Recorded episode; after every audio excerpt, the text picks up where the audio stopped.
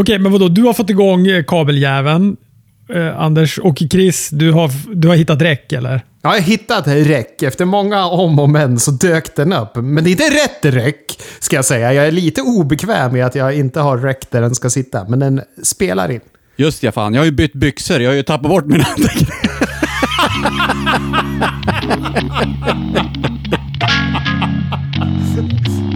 Det första jag möts av när jag klickar upp mina anteckningar är det där fula New Japan-bältet. Jag har av någon konstig anledning, men det är nog för att jag skickade den till er. Jag sparade ner bilden i mina anteckningar. Eller så kanske det är för att jag ska provoceras när jag tittar på... jag vill återkalla känslan som jag såg när jag såg det första gången. Att det är ju ett, Det ser ju ut som en lunchlåda på något vis. Det var det första jag trodde att det var när jag slog upp internet när de presenterade det.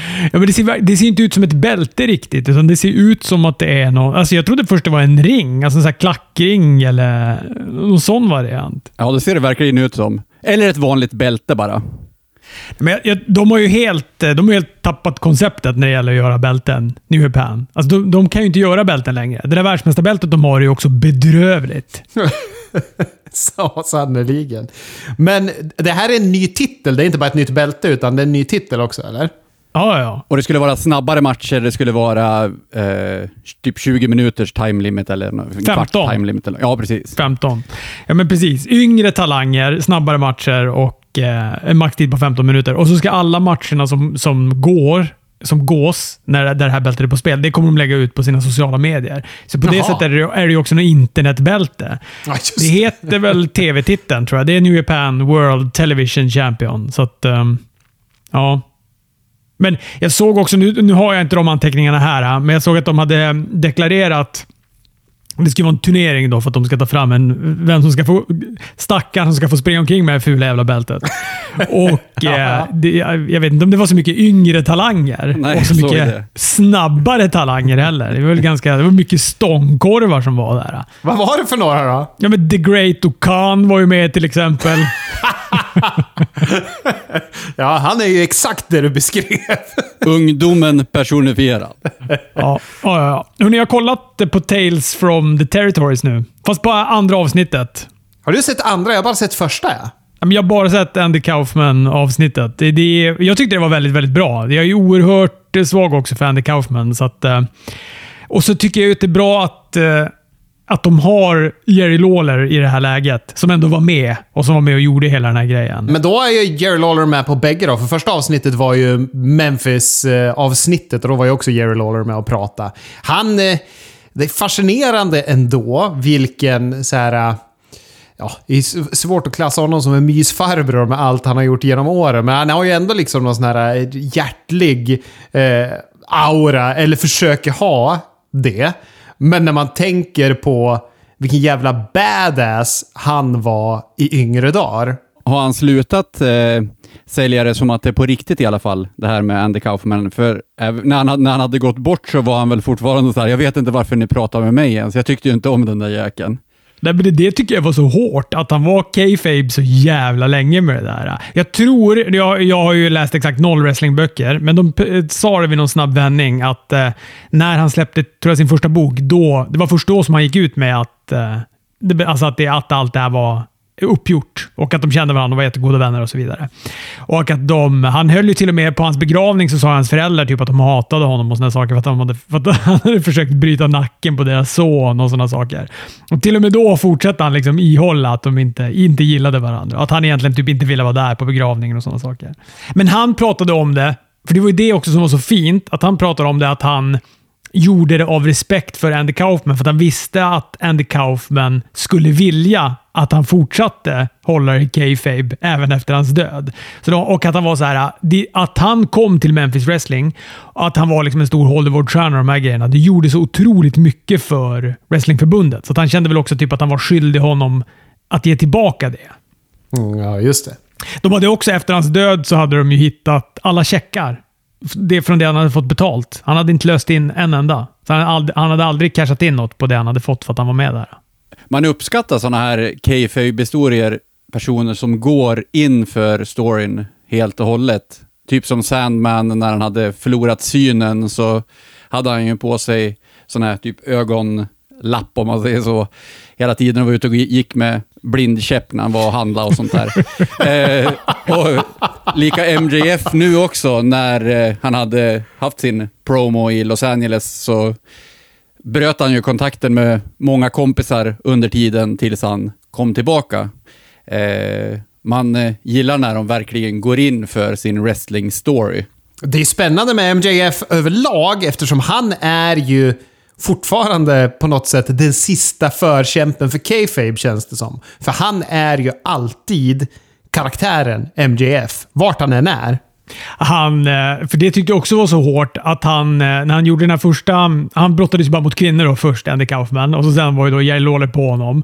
Och satte han i en piledriver och då var det som att han bröt nacken. Eller han fejkade ju att han bröt nacken. Han han eh, låg ju inne i ringen och så de bara, nej men han rör sig inte. När Jerlole du vet, står och, och, tar emot publikens jubel och sånt där så går han bara, du vill, eh, eh, Andy Kaufman säger att han, vill, att han vill ha en ambulans och så Jerlole bara, nej nej nej, det kostar för mycket pengar. Så går han tillbaka, så kommer domaren igen tillbaka till honom och bara, Andy Kaufman betalar. Han bara, okej, okay, ring ambulansen. och då åker han in på sjukhuset också.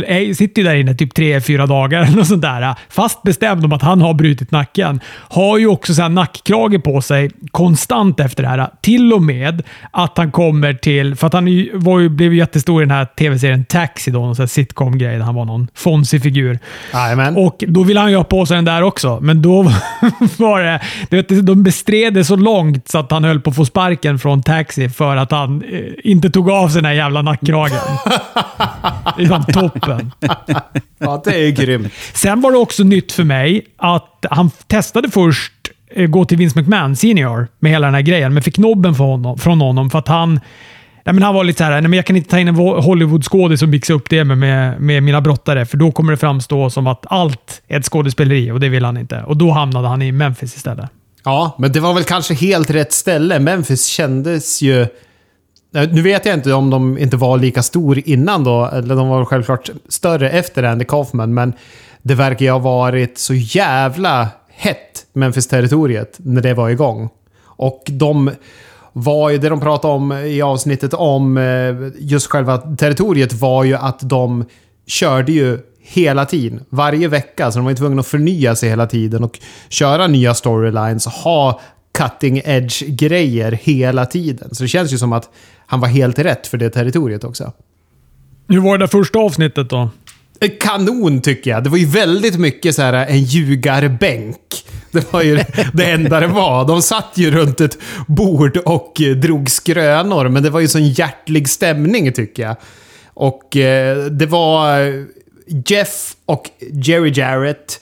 Det var Jerry the King Lawler och det var Jimmy Hart som satt där och drog sina skrönor. Men eh, supergemytligt och härligt var det att höra dem. Och så eh, Jeff Jarrett fungerar som någon form av moderator och kastade ut frågorna och eh, ville veta hur det var när de var där. Och eh, ändå härligt att få höra hur Macho Man är förbannad när han går in på en Burger King och eh, jättehungrig efter en match och ska, vill ha en hamburgare, men folk börjar jubla åt att någon i personalen precis har gift sig. Och då blir Bartobad förbannad och säger “Vem fan bryr sig?” Och då uppstår det bråk. Så den här mannen som har gift sig drar kniv på Macho Man också ska dra kniv, så han hoppar över disken, greppar en kniv och de börjar fäktas vilt med knivarna tills Macho Man inser att han har tagit en smörkniv som han inte skulle kunna skada någon med. Men han jagar ändå ut den här mannen och eh, får polisen efter sig, men han vägrar ju bli stoppad av polisen för att han vill att de ska arrestera den andra mannen. Så han lyckas ju få polisen att stå och spruta vad heter det, tårgas i ögonen på varann och grejer. Det är ljugarbänken deluxe. Men det är härligt att de ändå... De eh, filmatiserar ju det här som att det har hänt exakt så här på riktigt. Och det uppskattar jag. Det blir väldigt gemytligt. Men det känns, det känns som att eh, det här programmet inte har bemötts lika varmt som Dark Side of the Ring, va? utan det har inte varit så stenhöga eh, tittarsiffror och eh, de alltså vanliga personer på samma sätt kan inte se det här utan man måste vara lite mer inbiten wrestling-fan, eller? Ja, jag får också det intrycket i alla fall. Inte hört någonting om tittarsiffrorna, men om det är sämre tittarsiffror så låter ju det som en rimlig analys. Även om jag, när jag tittar på det, så känner jag så här, fan. De som gillar ja men, eh, så här... eh, Ljugande gubbar. Ja men, nej, men dramadokumentärer. Fabricerande wrestlinghistorier. Ja, då har de ju nailat niche audience. Men jag tänker, så här, jag skulle vilja ge det till någon som är så här, amerikafil, någon som tycker om Amerika. För det är så extremt amerikanskt att höra om de här skrönorna från södern. När det är folk som drar vapen, skjuter med blåsrör i röven på Jimmy Hart och grejer. Sånt är ju underhållande att lyssna på. De springer väl ändå ur någon typ av sanning? Ja, gud ja. Det är självklart att det finns någon sanning, men sen så skruvar de väl upp det på ljugarbänken. Precis, det är väl kryddade historier bara. Eh, det är som, eh, som de första snacken man hörde ifrån Brawl Out efter A, vad heter det, All Out. Då kändes det som att ingenting var sant. Men eh, vi, vi får hoppas att i framtiden så kanske det kommer en där CM Punk sitter och snackar om All Out, så, just ur hans synvinkel. Apropå CM Punk och All Out och grejer så har ju Ace Steel visat livstecken. Har ni sett det? Nej, det har jag inte sett. Vad, vad har hänt? Han har ju delat eh, Freedom från eh, Blues Brothers. Bara ett litet kort videoklipp. Okej, vad betyder det att han, är, att han anspelar på att han är släppt då? Att han är fri från AEW? Det är väl det man misstänker. Eller är han fri från husarresten? Det stod ju att, eh, jag har hört att det drar ju ut på sig den här rättsliga processen på grund av att det är en av alla inblandade som är lite motsträvig och vill eh, dra det vidare. Ja, man undrar ju vem det kan vara. ja, precis, precis. Eh, Warner Brothers håller ju på och de vill ju ha eh, ny, nytt eh, content ifrån AW som inte liksom är wrestling-relaterat utan de vill ha eh, sh- vad heter det? shoulder content som är anknutet till AW men inte har direkt med brottningen att göra. Som typ eh, Roads to the Top heter det väl, det här eh, Cody verklighetsbaserade serien. Eh, Svårt att se det. Alltså, jag tyckte det var spännande i typ två avsnitt. Sen, sen orkade jag inte titta på det ännu mer.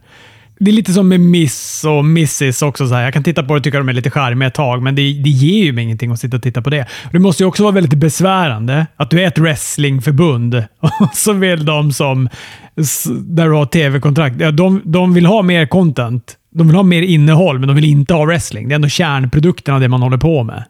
Ja, och jag misstänker att de inte kommer vilja släppa något kamerateam backstage nu när det har varit så stökigt som det har varit på slutet. Så att det kommer väl sluta upp med att det är någon eh, matlagningsshow med någon eller någonting. Det här.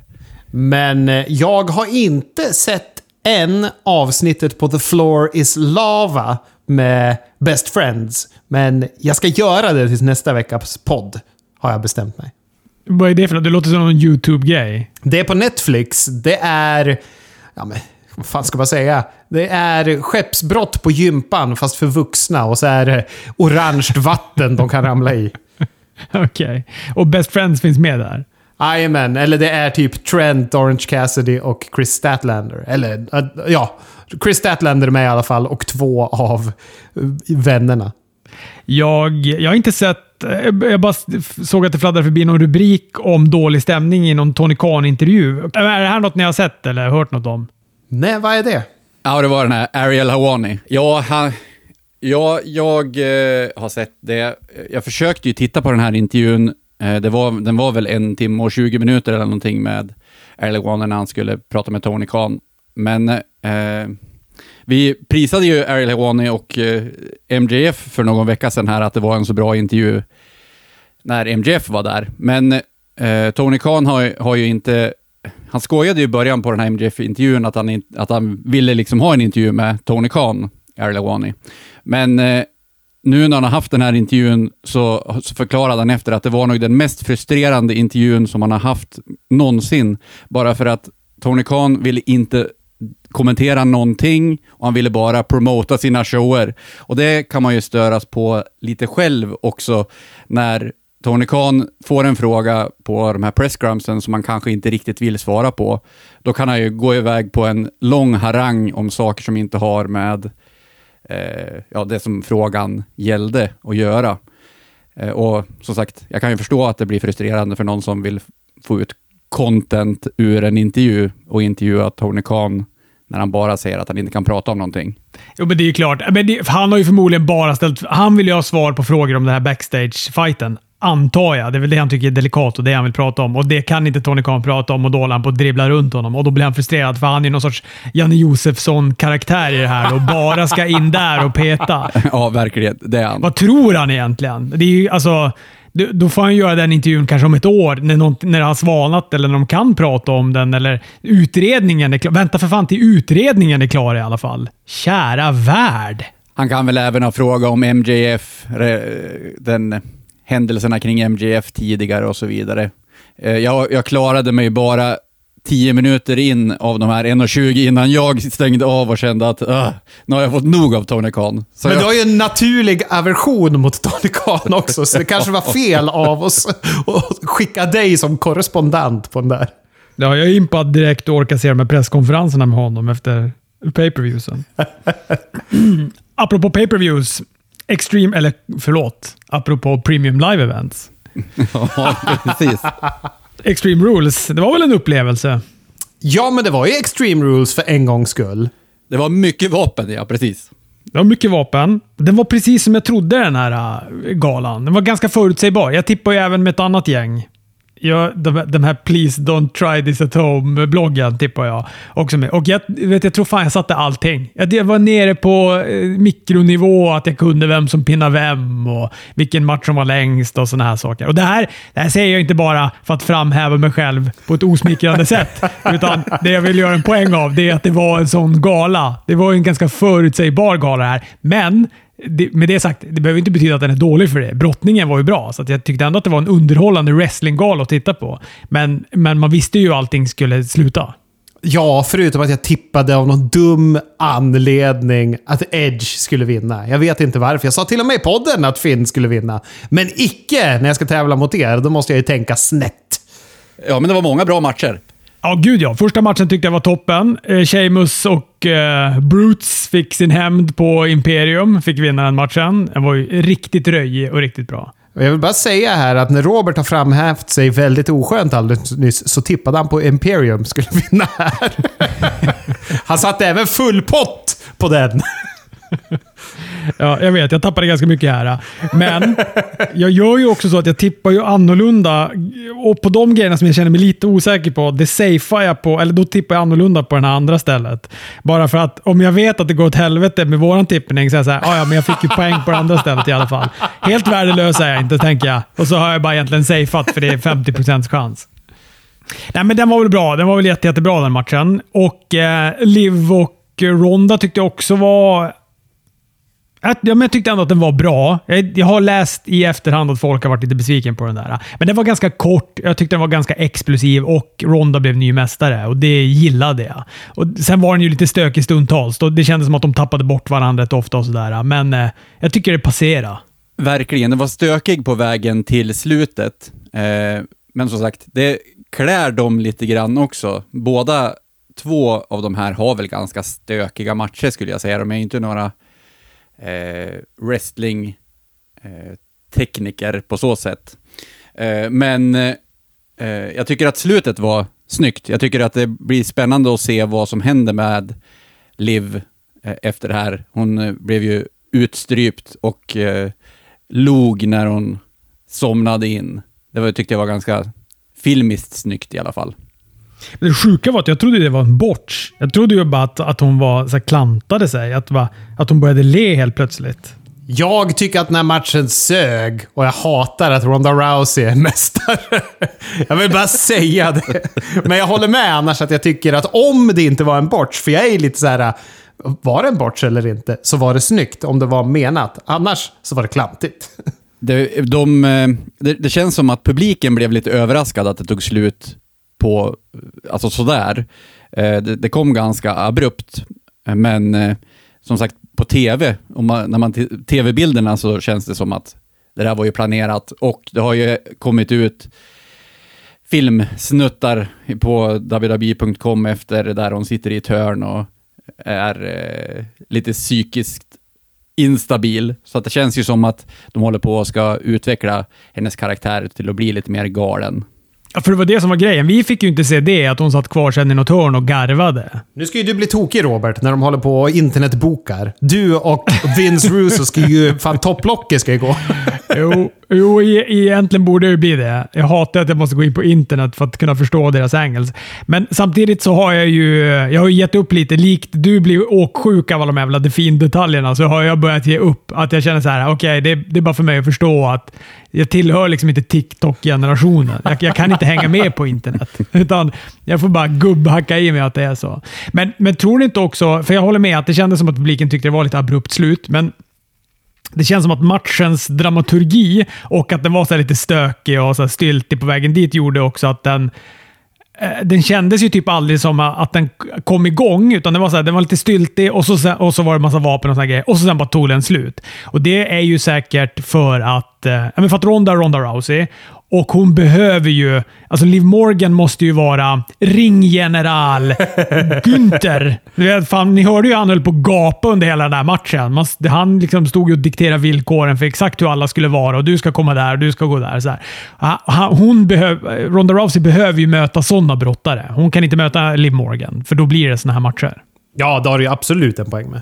Eller där, där Ronda ska dominera allting. Det kändes som att när hon skulle sälja saker eller ta ett knep, så då känns det som att de eh, var verkligen inte på samma sida. Det här när hon skulle eh, bli inskickad i en stol mot eh, ringstolpen och stolen ramlade ut i ringen och hon skulle lägga sig ner på mattan istället för att flyga framåt och det ja, blev stökigt som sagt. Strap-matchen mellan Karen Cross och Drew McIntyre tyckte jag också motsvarade mina förväntningar. Jag tyckte att de uppade den rejält med det där segmentet som, som de hade på Smackdownet innan. Vi nosade ju på det lite i förra podden här och jag tycker de gjorde det bra. Strap-matcher brukar ju vara ganska träliga tycker jag. Det är långt ifrån mina favoritmatcher. Det är ofta stökigt med det jävla repet i vägen och det blir ju också en viss typ av brottning när det är sådana här matcher. Men Ah, de gjorde det bra. Scarlett duschade Drews ögon med pepparspray så Karen Cross kunde vinna. Och det skulle han ju göra här. Allt annat hade ju varit dåliga nyheter, i alla fall för Karen Cross, om han hade förlorat. Men ja, jag tycker att de skötte den förvånansvärt bra faktiskt. Och jag upplever att Drew har haft bäst koll på strappen, kedja, alltså eh, om man även buntar in kedjematcherna och så som vi har sett så hade han bäst kontroll så att det vart bra flyt. Jag tycker nästan att det var mindre flyt när MJF och CM Punk skulle hålla på med den där kedjan. Att den var mer i vägen. Här kändes det som att Drew faktiskt kunde styra upp matchen och göra så att det blev ett bra flow i det. Sen så hade ju Karrion Cross det vildaste håret i världen under den här matchen. Vilket jag uppskattade, men det var lite distraherande. Han fick den här Kingpin... Uh, fly, det Kingpin-flygande håret. En sekund in. Det var, känns som att det var en ganska dålig hårprodukt han hade. Fan, de är en väldigt bra akt. Scarlett och Karen Cross. Alltså det är riktigt bra det jag har sagt. Och introt är fortfarande toppklass tycker jag. Men han behöver bättre finishers tycker jag. Den här jävla cross jacket. Den är ju dålig jävla strypgrepp. Ett slag i nacken, eller vad är det där? Nej, det är ju någon konstig, vad heter det, när han håller för sitt eget öra när han gör en, en sleeper på dem. Och sen så har han ju den där typ, heter den kanske cross punch? Allt heter ju någonting med cross som han gör också. Men det är ju slaget i nacken. Det är lite bättre, men det är fortfarande kast. Jag tycker alla de här slagen i bakhuven ser otäcka ut.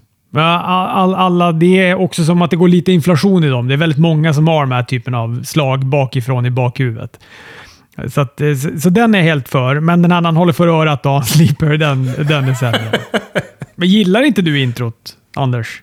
Jo, jag tycker att introt är jättebra. Jag tycker eh, han, Karen Cross får ju mycket skit för att han är liksom dålig i ringen. Jag tycker att han är helt okej okay i ringen, men han, som sagt, som Chris säger, så han har lite dåligt med explosiva moves, men han, han, och han, han rör sig liksom lite långsamt framåt i matcherna. Men eh, som sagt, jag tycker att det är snyggt. Han har, eh, har ju bra psykologi och sådär när han håller på och eh, typ kör psykologisk eh, krigsföring mot den andra som kameran snappar upp lite subtilt sådär istället för att... Eh, men han har ju inte världens snyggaste move som sagt. Nej, men Vince McMahon, Vince McMahon hade ju gjort honom till en superstjärna om det var för 20 år sedan. Det, men han, han är ju omodern i brottningen, men han är adekvat i brottningen. Så jag tycker han får oförtjänt med skit. Vince McMahon gjorde han till en bondage-hink eh, för ett år sedan. En hink! Ja, eh, vad hade vi mer då? Ja, men vi hade ju Bianca och Bailey gick ju sin match. Jag tyckte den också var bra. Hårt arbete från båda. Inga vansinniga såna här stegspottar. Men det behöver det inte vara heller. Ibland är det som att det kan vara bara en, en brottningsmatch och så är stegen där för lite effekt. Jo, det var ändå några grejer som var rätt galna med den där stegen. Det var inte, det var inte WrestleMania 10 mellan Razor Ramon och Shawn Michaels. Det var ett move när de hoppade, när, när Bailey skulle göra en elbow ut ifrån ringen när Bianca låg på stegen. Och det lät som att det gjorde så fruktansvärt ont när elbowen slog i, i stegen. Eh, det kan ni titta tillbaka på och bara pinas med. Men det var väldigt stumt i landningen där. Det måste ha gjort Ja. otroligt ont på Bailey det där. Ja, Jag vill, bara, jag vill bara korrigera mig. Alltså jag menar inte att Shawn Michaels mot Razor Ramon var en dålig match, men den, det är ju verkligen en stegmatch innan steg, stegarna blev så en stor del av matcherna. Det är ju mer en wrestlingmatch och sen så är det en stege för att klättra upp och hämta bältet och så gör de typ två, tre grejer med stegen. I den här matchen, om Gunther var ringgeneral, så var fan i mig Bailey en jävla överbefälhavare. Gud vad hon styrde och ställde och eh, pratade högt och mycket i den här matchen. Nästan lite så att det tog bort illusionen av wrestling, tycker jag. Vilket jag, jag tycker inte om när de är för vokala sådär i ringen. John Cena har ju också en tendens att prata för högt. tendens har han att prata i vakten. Eh, Edge och Balor gick en lång match. 30 plus eller något sånt där tror jag han klockade in på. Men eh, ja, det krävs väl det när det är de här I Quit-matcherna. De måste ju nästan vara långa. En kort I Quit-match känns också som att det är ingen idé att de gör en I Quit-match av det. Och eh, Den blev ju en redig publikfavorit mot eh, slutet när alla kom in. Judgment Day, och Rey Mysterio och Beth Phoenix. Och de blev ju fan helt till sig publiken när Beth Phoenix och eh, Rhea Ripley hade sin sammandrabbning. Det tyckte jag var kul. Och det kommer väl bygga emot en match såklart. Eh, det ser man ju fram emot. Eh, som sagt, eh, hon sa väl det, eh, Beth, att... Eh, vi har för mig att Ria är- hon har, Ria har väl henne som hennes favorit. Så att det är väl en liten drömmatch för Ria det här också. Så det kommer väl bli bra tror jag. Och det känns bra också att Ria ska få en fade där hon äntligen får slåss igen. För att hon har eh, liksom plockats ut ifrån kvinnodivision lite grann. Så Ja, det- nu har hon ju bara varit dagmamma åt eh, Dominic Mysterio. Ja, ja, precis. Men jag tror att det kanske är ganska skönt. Hon får ju säkert gå matcher på house shows och så vidare, men det är nog ganska skönt att gå till jobbet och slippa ta bumps, tänker jag. Och ändå vara sådär högt profilerad. Du behöver inte slita på kroppen, men du blir mer och mer över hela tiden. Så nog gråter hon sig inte till söms för sin roll, det tror jag inte. Absolut inte. Och vi- vet ju inte heller, hon kan ju ha varit lite småskadad eller någonting som har placerats i den här rollen på grund av det. Men en sak som vi måste göra, det är att hylla Dominic Mysterio till skyarna. Jag skiter i vad du säger nu, Anders. Är fan underbart slemmig. Det- Han är så lätt att hata och publiken buar ju så otroligt så fort han gör något. Det är fantastiskt, tycker jag. Jag måste säga att han har övervunnit mig. Åh, Vilken- underbart! Var, speciellt på Raw var han ju så... Ja, på Raw var han ju kung, va? Ja, det är helt sjukt bra heel. Jag tyckte också det var snyggt eh, bokat slut på den här matchen. Edge ger ju upp för att de inte ska göra Beth Phoenix illa. Det går och för sig sådär. Hon åker på en jävla rejäl concerto av Rhea Ripley så fort Edge har yppat att han, att han I quit. Så att, nej, jag tyckte det var riktigt snyggt det här slutet. Jag gillade den här matchen jättemycket. Men vi måste som sagt prata om eh, Finn Balors entré-mask.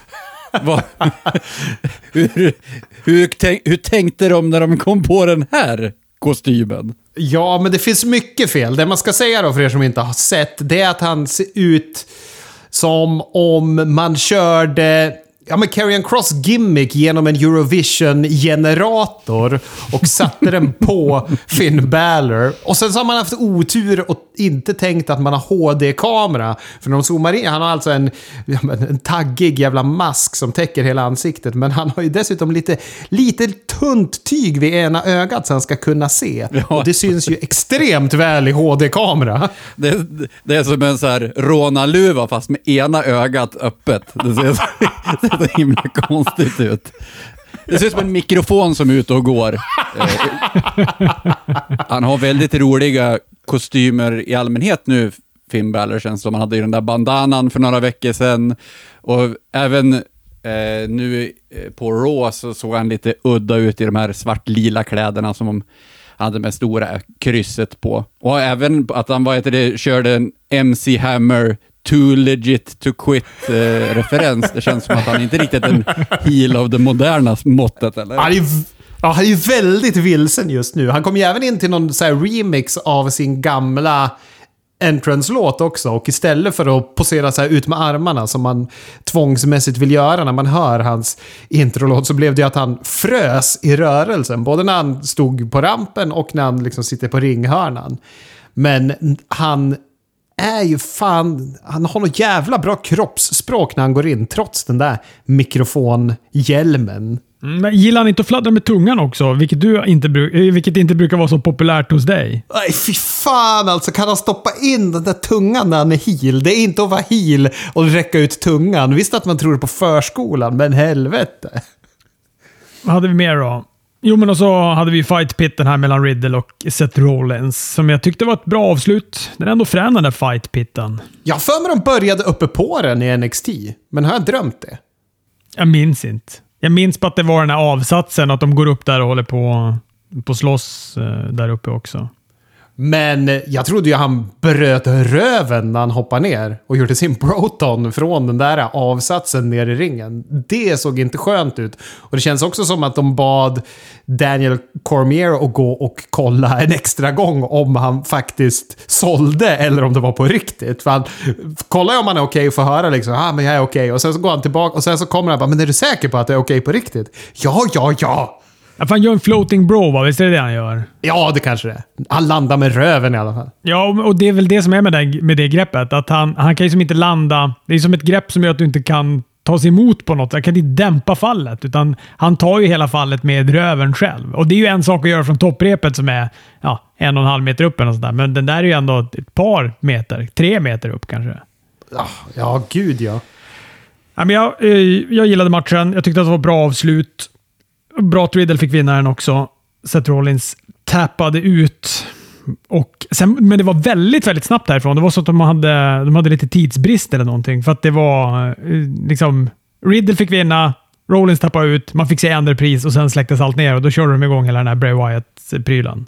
Ja, det vart lite abrupt och eh, de fejkade ju att de gick ur sändning också. Att de blev överraskade, äh, Graves och Cole, när det fortfarande var i sändning och det började dyka upp äh, livslevande versioner av de här puppetsarna som Bray Wyatt har haft när han har haft sitt ja, barnprogram, eller vad man ska säga. Det tyckte jag var toppen. Jag tyckte att de hade gjort de där kostymerna så bra också. Den här Hoppe Hare och den här grisen och gamen och allt vad det nu var. Men tror ni att det kommer vara karaktärer som dyker upp, eller var det bara för att bygga upp emot det här? Det var nog bara för att bygga upp. Jag tror att det är det som är så svårt att veta, för att det känns ju också som att så, här, han var ju The Fiend, men samtidigt var han ju Bray Wyatt. Jag vet inte, det känns inte som att han kommer vara The Fiend heller, tror jag. Det känns som att han kommer ha den där masken han kom in med. Han kom in med en ny sorts mask som var typ nästan någon Guy Fawkes-liknande. Det var ju några ansikten och eh, kanske så här som dramamaskerna lite. Lite avlångt karikatyransikte. Typ en V för Vendetta-mask-ish. Precis, det är ju Guy Fawkes det. Ja, okej. Vad, vad skönt att du tog den kulan, Anders. För jag satt där också och tänkte, vem i helvete är det? ja, nej, men jag tyckte det var snyggt. Hela det när han kom tillbaka. eh, Hela Fiend-grejen var snygg. Han fick också otroligt mycket pops ju. Fan vad de var glada att se honom. Det var riktigt snygg eh, retur, eller comeback, men eh, det var inte så snyggt tycker jag att de inte hade med honom överhuvudtaget. På, ja, de hade ju en kort sekvens på Raw, men jag tror ju att det var många som, som började titta på Raw för att Bray Wyatt skulle komma. Och många som hade köpt biljett för att Bray Wyatt skulle komma också. Så det var, man, eh, om man var där så var man nog ganska besviken över att Bray Wyatt inte visade sig överhuvudtaget, för han ska ju tydligen vara helt exklusiv för Smackdown. Aha, okej, okay, det visste jag inte. Nu finns, nu finns brandsplitsen igen, helt plötsligt. Jag var liksom så att jag nästan var, men jag, kommer gå, jag måste gå tillbaka och kolla, för jag har som för mig att de sa att han skulle dyka upp på Raw. Jag var så stensäker på att han skulle vara på Raw, som att det hade varit annonserat. Så när de då bara körde på på den riktiga versionen, inte YouTube-versionen, då repriserar de hela, hela comebacken. Så det var ju ganska många minuter som åt till att bara eh, vara... Men det var verkligen bara den. Så hade man suttit där och bara, okej, okay, det var det här. Det var det här jag fick av Bray Wyatt. Jag hade blivit galen. Det var ju det, den var ju med på YouTube också såklart, eftersom den säkert var viktig eh, att visa. Men de klippte ju bort åtminstone två matcher för att visa en repris från lördagen. Jag tycker hela det här råt... Eh, jag vet inte, det var som att Triple H hade gått tillbaka till svärfaderns gamla dramaturgirecept. Det var så 45 minuter in. Vi hade hunnit få ett segment med Roman Reigns. Två matcher. Gargano mot Austin Theory och Ray Rey Mysterio mot Chad Gable. Alltså innan så var det väl högst att man hann klart ett Roman-segment på de första 45 minuterna.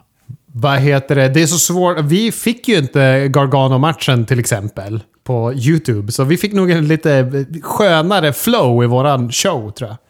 Ja, för ni, det är som att ni har andats som att ni tyckte det här var ett ganska bra Raw. Ja, jag var jätteunderhållen. När jag var 46 minuter in, då tänkte jag skriva och kolla om du hade, vad heter det, ja, jag vet inte. Om du hade tänkt på Andrade för mycket eller någonting. Kollade på Raw efter WrestleMania 36.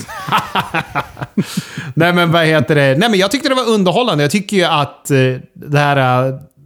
Bloodline-segmentet var fantastiskt. Tyckte det var jätteunderhållande. Alltså Sami Zayn, han kan inte göra fel i mina ögon. Jag tycker han är så otroligt underhållande. Men jag tycker hela Bloodline är underhållande. Hela det här med att Jey Uso blir utsatt för hån från Roman är ju så jäkla bra. Och man väntar ju bara på när den här vändningen ska komma. När Roman kommer döda Sami Zayn.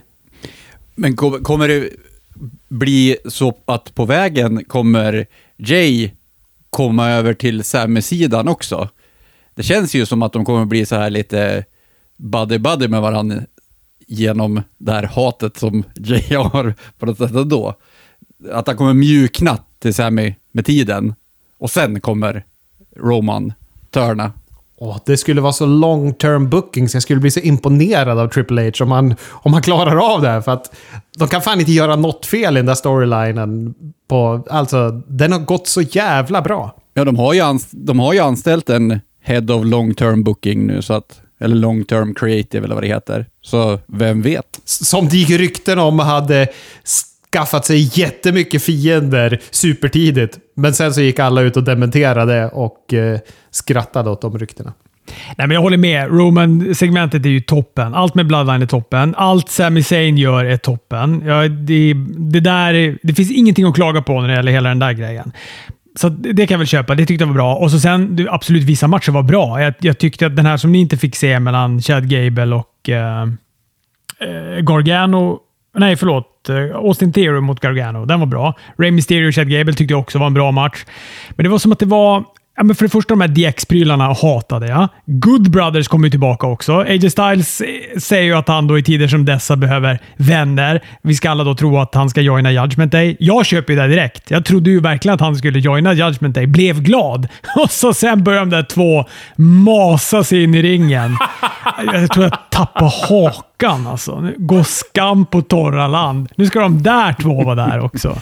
Ja, det, det börjar bli lite så här fara och färde för att han börjar ju plocka tillbaka många sen förr. Och redan nu som sagt så klipps ju Johnny Gargano bort ifrån, ifrån till YouTube-versionen. Till fördel för Good Brothers, masa sig in i ringen.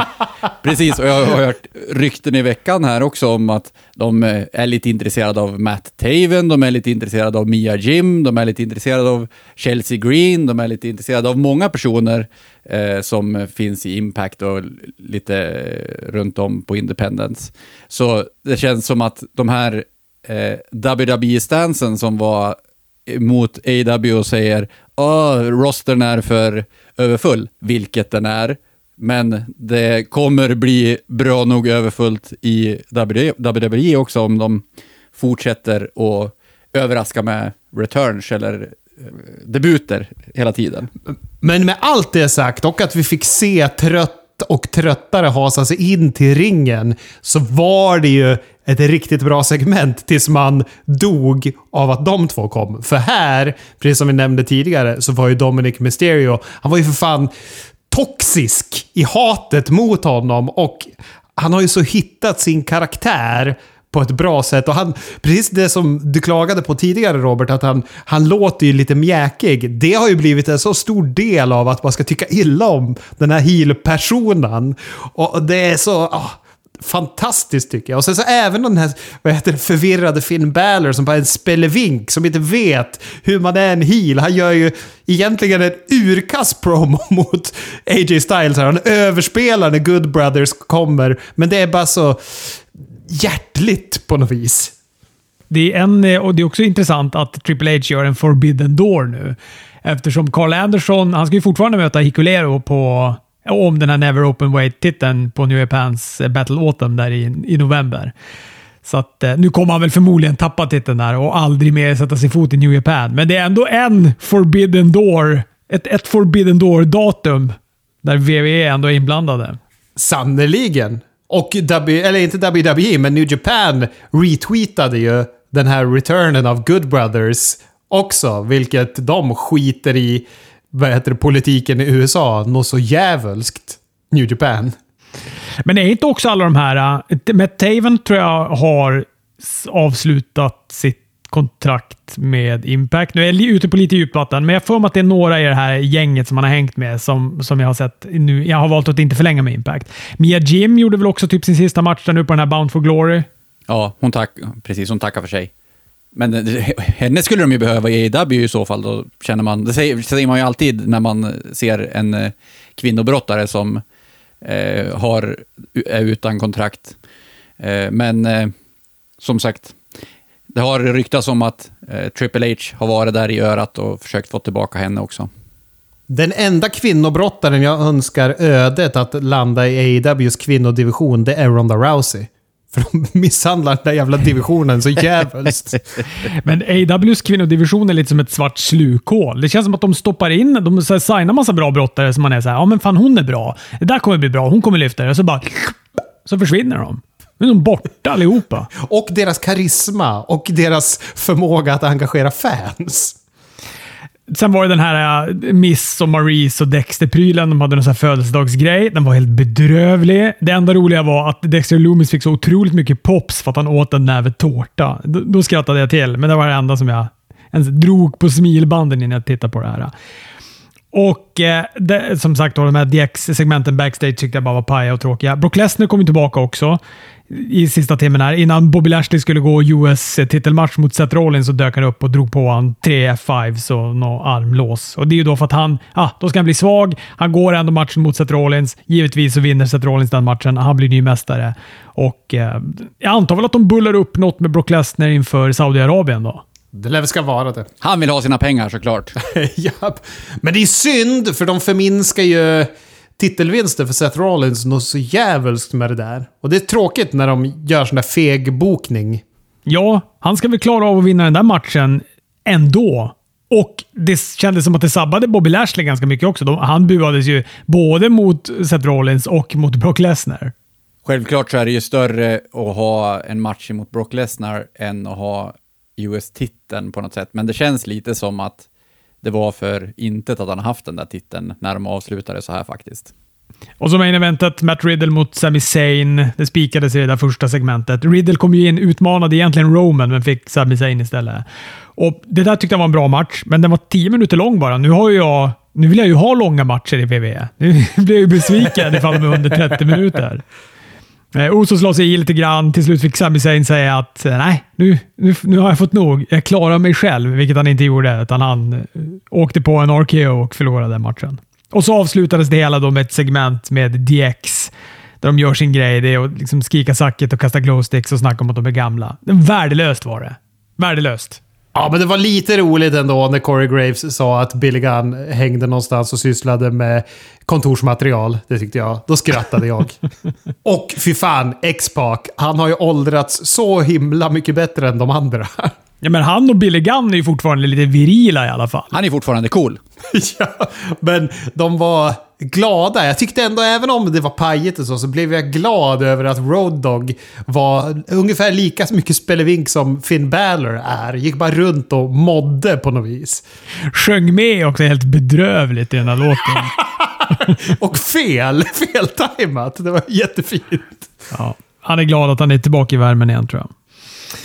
Ja, men Dynamite, det kan vi nästan också gå igenom hela, för vi har inte så mycket mer att prata om när det gäller AW eftersom vi redan har snackat om Rampage. Varför är Rampage... Eh, det bandas. Du, du, Anders, du har ju lovat mig att det ska vara live nu för resten av mitt liv. ja, det, ja, förlåt. Men eh, det eh, bandas som sagt i natt, men sänds imorgon. Men det är väl bara för att de är i Kanada antar jag, som de inte vill vara där för länge. Eh, men eh, nästa vecka är det tillbaka till att vara live, live igen tror jag. Och då har vi Dynamite på tisdagen. Ja, precis. Varför är det Ja, det är väl någon, eh, någon eh, slags annan sport eller något som ska ha debut på tv då. Vad spännande det ska bli att se på NXT då. Tror ni inte Triple H kommer ösa på med, med grej, main roster-människor på NXT då? Han hade väl skickat dit Sonja Deville den här veckan i alla fall. Eh, som jobbar tillsammans med Mandrose. Jo, men han, behöv, han behöver nog ladda kanonen med betydligt tyngre ammunition ifall han ska knäcka ett Dynamite. Men de hade ju svinbra. De hade ju typ så 760 000 eller något sånt där tittare nu senaste NXT. Det är jättekul. De måste börja det, bli lite nervig i AEW nu när NXT börjar flåsa dem i nacken. Eh, AWs Dynamite öppnade i alla fall då med ett... Eh, ja, vi fick se AWs senaste anställning i René Perquette. Det var kul. Skötte sig bra under hela episoden tycker jag. Ja, men hon har ju en härlig utstrålning och eh, det gjorde mig glad. Jag lyssnade på hennes podcast. Hon ville absolut inte bli kommentator igen, så att hon kommer väl vara den här backstage-reportern eh, framöver också. Vilket jag tycker är synd. Jag tyckte att hon var bra som kommentator. I alla fall i början. Men sen, alltså vad fan, hon... Eh, hon blev väl kuvad av att sitta och ha Vince McMahon skrikandes i öronen och sådär. Det kan väl göra vem som helst osäker och dålig. Och Jag tycker också att hon fick oförtjänt mycket skit mot slutet. Så på det sättet så hade jag sett fram emot att hon ändå skulle få ha en kommentatorssväng här också och få, liksom få upp lite gnistan för det och att folk ändå kan förstå att hon är bra, för hon var bra i början. Nu vill jag att vi backar lite och pratar kommentatorer. Vi hade ju faktiskt det första rået med Kevin Patrick. Vad tyckte ni om honom? Jag älskar Kevin Patrick. Det spelar ingen roll ifall han är lite nervös. Han sa lite fel ibland och såna grejer. Och så pratar han så här. Vad var det där? Vad var det där Robert? Robert, vad var det där? och sen så var ah, jag, jag var tvungen att börja räkna hur många grepp som namngavs under Raw. Jag kan säga att han namngav inte ett enda grepp förutom en suplex som blev till en brygga när han sa att det var en suplex som blev till en cradle, vilket var fel. Och sen så namngav han finishers. Det var det enda han kunde, annars var det “Oh, look at that! Look at that! Oh my!” Han var eh, glad. Men sen så känner jag också att det, både att eh, de har Kevin Patrick och Wade Barrett på Smackdown, det är ganska mycket bred brittiska Ja, det tänkte jag också på. Det var liksom irländska Kevin Patrick som ska sitta där och kommentera till Make America Great Again-publiken. Precis. Men eh, ja, jag, har, jag har inte riktigt någon åsikt. Jag tyckte ju synd om Kevin Patrick när han blev mobbad tidigare, men eh, jag... jag eh, varken av eller till, tycker jag, om hans kommentatorsdebut. Han får växa in i kläderna lite grann. Jag tyckte att öppningen mellan Luchasaurus och eh, Jungle Boy Jack Perry, de, är väldigt, de betonar Jack Perry väldigt mycket nu. Det tycker jag är kul. Eh, jag tyckte det var en bra, bra öppning. Jag trodde ju att Christian skulle bli mer hyllad i sin, eh, alltså på, på hemmaplan än vad han blev. Och Jag trodde att Jungle Boy skulle bli mer utbuad. Men han, de älskade ju Jungle Boy. Kan de ha kört någon promo innan de gick live kanske? För att bara befästa att Christian Cage är en heel. Man brukar ju kunna göra sånt för att säkra upp. Och sen så, vad heter det, så turnar jag ju mot, ett hock- mot hockeylaget i Toronto också. Det är en klassisk AEW-grej att prata hockey när man ska vara heel. Eh, nog för att i Kanada så är det större med hockey än vad det är i USA, men, men eh, vi får inte glömma heller att, att när vi pratar om kommentatorer, eh, Christian Cage eh, var kungen som kommentator. Han borde, han borde vara med som kommentator oftare. De har ju inte riktigt någon sån här heel-kommentator i AEW. De har ju mest myshörna där. Ja, men precis. De har ju Jericho på Rampage då. Han är ju healig ibland. Eh, inte rakt igenom sådär, men det känns som att Christian skulle kunna vara den här Jesse Ventura, Bobby Heenan, eh, onda personen hela tiden. Eh, så att jag, jag skulle inte ha någonting emot om de plockar bort typ Tony Schiavone och körde Christian och Excalibur och Taz. Nej, gud nej. Jag tyckte också han var fantastisk. Tony Schiavone, han sitter ju mest och fyller i vad de andra säger. Jag trodde också att Luchas- Luchasaurus skulle vinna lite fulare än vad han gjorde. Christian var liksom, han gjorde ju knappt någonting. Han skakade lite i repet när Jungle Boy var på väg upp. Och Sen åkte han på en Super Chokeslam och en Burning Hammer och sen var det över. Luchasaurus vann. Ja, överraskande enkelt. Men det var ju en lång match och det var bra publikengagemang ändå. Gud ja. Under hela den här episoden tyckte jag det var en riktigt bra publik. prata om, tusen gånger pratar de om att man bara kunde få stå där nu. Det var bara standing room kvar. Det var så mycket folk som man måste stå. Ja. Så det är klart det var drag där. Sean Spears kom tillbaka efter att Wardlow och Samoa Joe vann över Nick Komoroto och QT Marcel. Och Sen kom den här Prince, Nana och Brian Cage och Gates of Agony. Ja. Och FTR kom in också. Det var ett jävla härvelkors av brottare som kom in där i slutet. Var det bara jag som blev förvirrad över när de pratade om Ten där först? Då tänkte jag, ja, Preston Vance, vad har han med de här att göra? Ja, det- sen, det sen var- bara, ah, just ja. Jag förstod att det var Sean Spears i och med att han är kanadick. Men vi har inte pratat om Warjoe här, alltså Wardlow och Samoa Joe. Vad tycker ni om den parningen? Jag tycker att den är hård, men jag tycker att det är fel att göra sådär med sina mästare. Eh, det betyder ju bara att de har för mycket titlar om de måste sätta två mästare i ett tag team för att kunna ha dem med. Jag tror de upptäckte att de var jävla över när de gick den här matchen på Rampage för några veckor sedan. Och jag överraskade mig själv med att tycka att Fan, jag gillar det här av någon anledning. Varför tycker jag det här är så underhållande med de här två kötthögarna? Men grejen är med mig och Wardjoe är att jag än så länge så är, känner jag typ ingenting. Jag tycker inte illa om det, men jag tycker inte heller speciellt bra om det. Jag är, ju jag är ju väldigt... Jag tycker ju väldigt mycket om Samoa Joe och skulle ju vilja att han har en bra... Det känns som att han, alltså han blev signad av AW, men han har ju inte varit där någonting. Han har ju inte... Har vi sett han brottas ens? Han, är ju Men liksom han gjorde inte, väl någon eh, TV eller någon film eller något? Det är väl därför han har varit borta. Jo, jag vet, men jag skulle vilja ha en sväng med honom med en ordentlig singel-push. Sen kanske de kan göra någon tag team game med Wardlow med honom, men, men jag, jag skulle vilja ha honom i en singel-push först. Jag tänker att han är trasig och att det kan vara bra att ha han i ett tag team på något vis. Det är väl för att spara på livslängden med han såklart. Eh, Men jag tycker att det är lite konstigt också att Eh, de här har hamnat i en fade emot de här Gates of Agony och Brian Cage.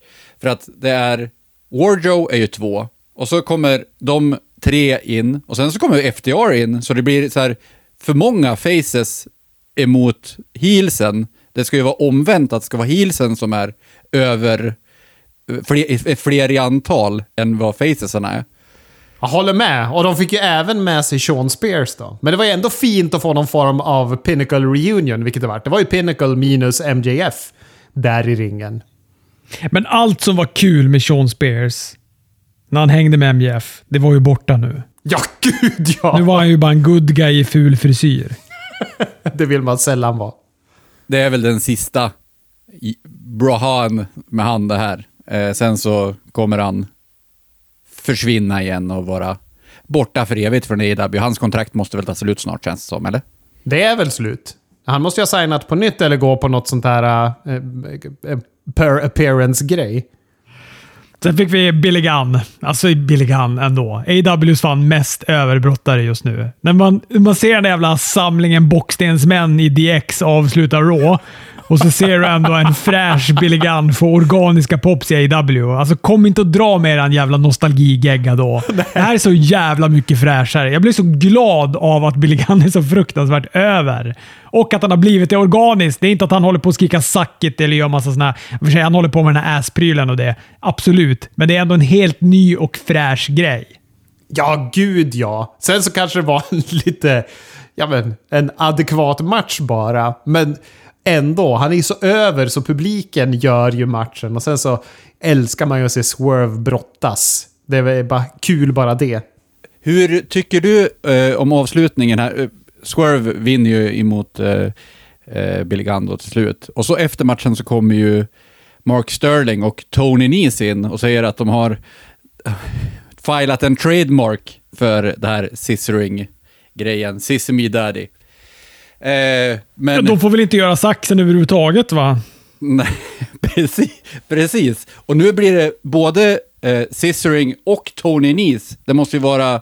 Du måste ju ha gått upp i brygga, Chris. Du, det här är ju fantastiskt. Jag tycker det är så intressant att Tony Nese är på alla, alla program Tony Khan gör. Rampage, Dynamite, Dark, Dark Elevation. Han är överallt. Han måste ju vara... De måste ju vara jättebra kompisar. Jag förstår inte det här. Men det, det känns ju som att det här är taget från Vince McMahons playbook. Ah, 1989. Men jag är okej med det. Fan, det är ett tag team för Acclaimed att stöka av och vinna. Ja, jag är lite trött på att Tony Khan alltid har så här, ja nu är det trademarks, han vad heter det, har ad, ja, typ advokater, han har assistenter, han har kontrakt som de bråkar om, nu är det den här tampering-grejen. Det är, alltså han måste kunna lämna sin egen bubbla lite grann, där det, allt är corporate. Han vad heter det, borde komma ner på människornas nivå. Ja. Vad hade vi sen? Ja, men, eh, ja, men vi hade ju Chris Jericho mot Daniel Bryan sen. även den här Daniel Garcia-grejen, kan de inte bryta lös han ifrån JAS istället för att de ska... Det är ju lika med den här Jamie Hater-grejen, att de teasar turn och så blir det ingen turn. Hon går tillbaka. Nu håller de på med Daniel Garcia, teasar turn, teasar turn, teasar turn och så går han tillbaka. Det är lite så här samma bokning hela tiden också.